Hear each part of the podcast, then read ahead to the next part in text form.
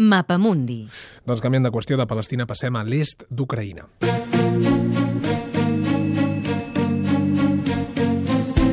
El govern d'Ucraïna ha rellançat l'operació antiterrorista a l'est del país després que ha aparegut el cadàver torturat d'un membre del partit del president Turchinov. A més, algú ha disparat contra un avió ucraïnès que sobrevolava la zona d'Esloviansk, un dels feus dels prorussos. I came here to Kiev Un nou cop a la fràgil treva dels últims dies i la confirmació que els acords de Ginebra no s'estan aplicant. Enmig d'aquesta situació, visita a Kiev d'aquest que sentíem el vicepresident nord-americà Joe Biden per donar suport al govern prooccidental i per demanar a Rússia que hi posi de la seva part. I una notícia que acabem de saber ara mateix, els Estats Units enviaran uns 600 soldats a Polònia, Letònia, Lituània i Estònia, segons acaba d'anunciar el Pentàgon. A Donetsk, a l'est d'Ucraïna, hi tenim el Martí Cuní i l'Anna Cortades. Anna, molt bona tarda. Bona tarda. Uh, comencem per l'última hora. Com estan les coses?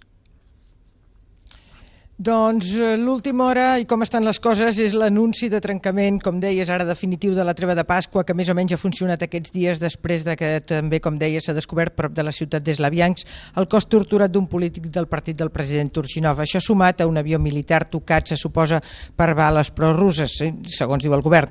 Les activitats antiterroristes es reprenen i això fa saltar pels aires els acords de Ginebra. El nord de la regió de Donetsk és cada vegada més volàtil. A Kramatorsk, aquesta nit passada, han ocupat ocupat la caserna de la policia i sembla que se n'han dut el cap de les forces de l'ordre. I va ser aquí on fa una setmana tancs ucraïnesos es van passar al bàndol prorrus. El cap de les milícies ocupants diu això sobre aquesta qüestió.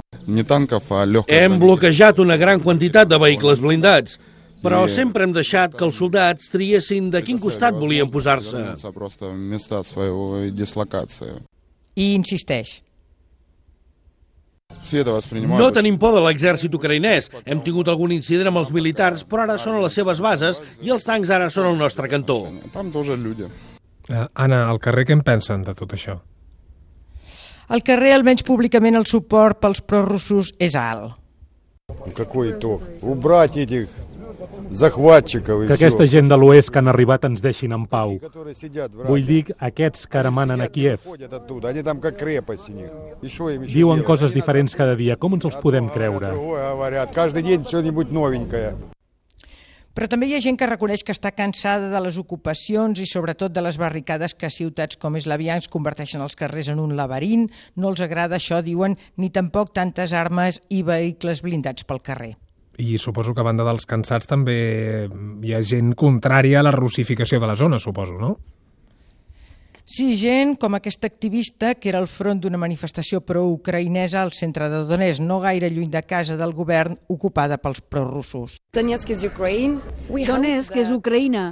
Espero que el govern de Kiev pari atenció sobre el que està passant aquí i ajudi l'est d'Ucraïna. Uh, Eastern Ukraine.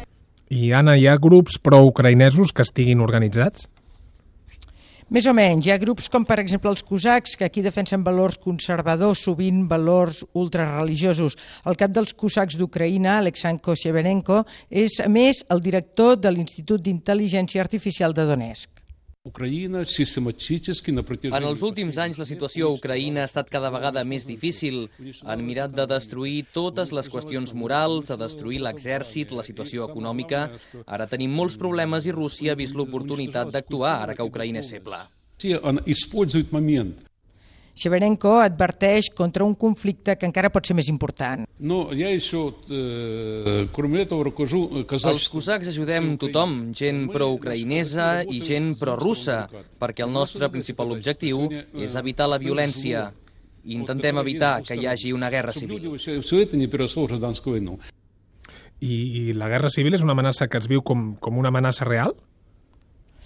Doncs els analistes no s'atreveixen a negar aquesta possibilitat. És el cas del politòleg Igor Sorlovitsky.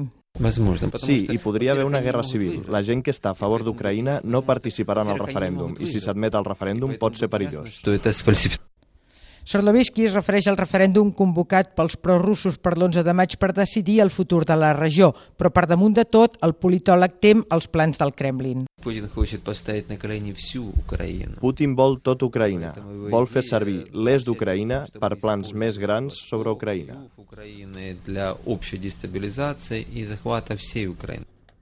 L'est d'Ucraïna, doncs, segueix en una situació sumament volàtil. Mm, almenys fins que algú en pes, digue-li Putin, digue-li qualsevol altre, eh, la vulguin calmar una miqueta. Anna Cortades, Martí Cuní, gràcies, bona tarda. Bona tarda.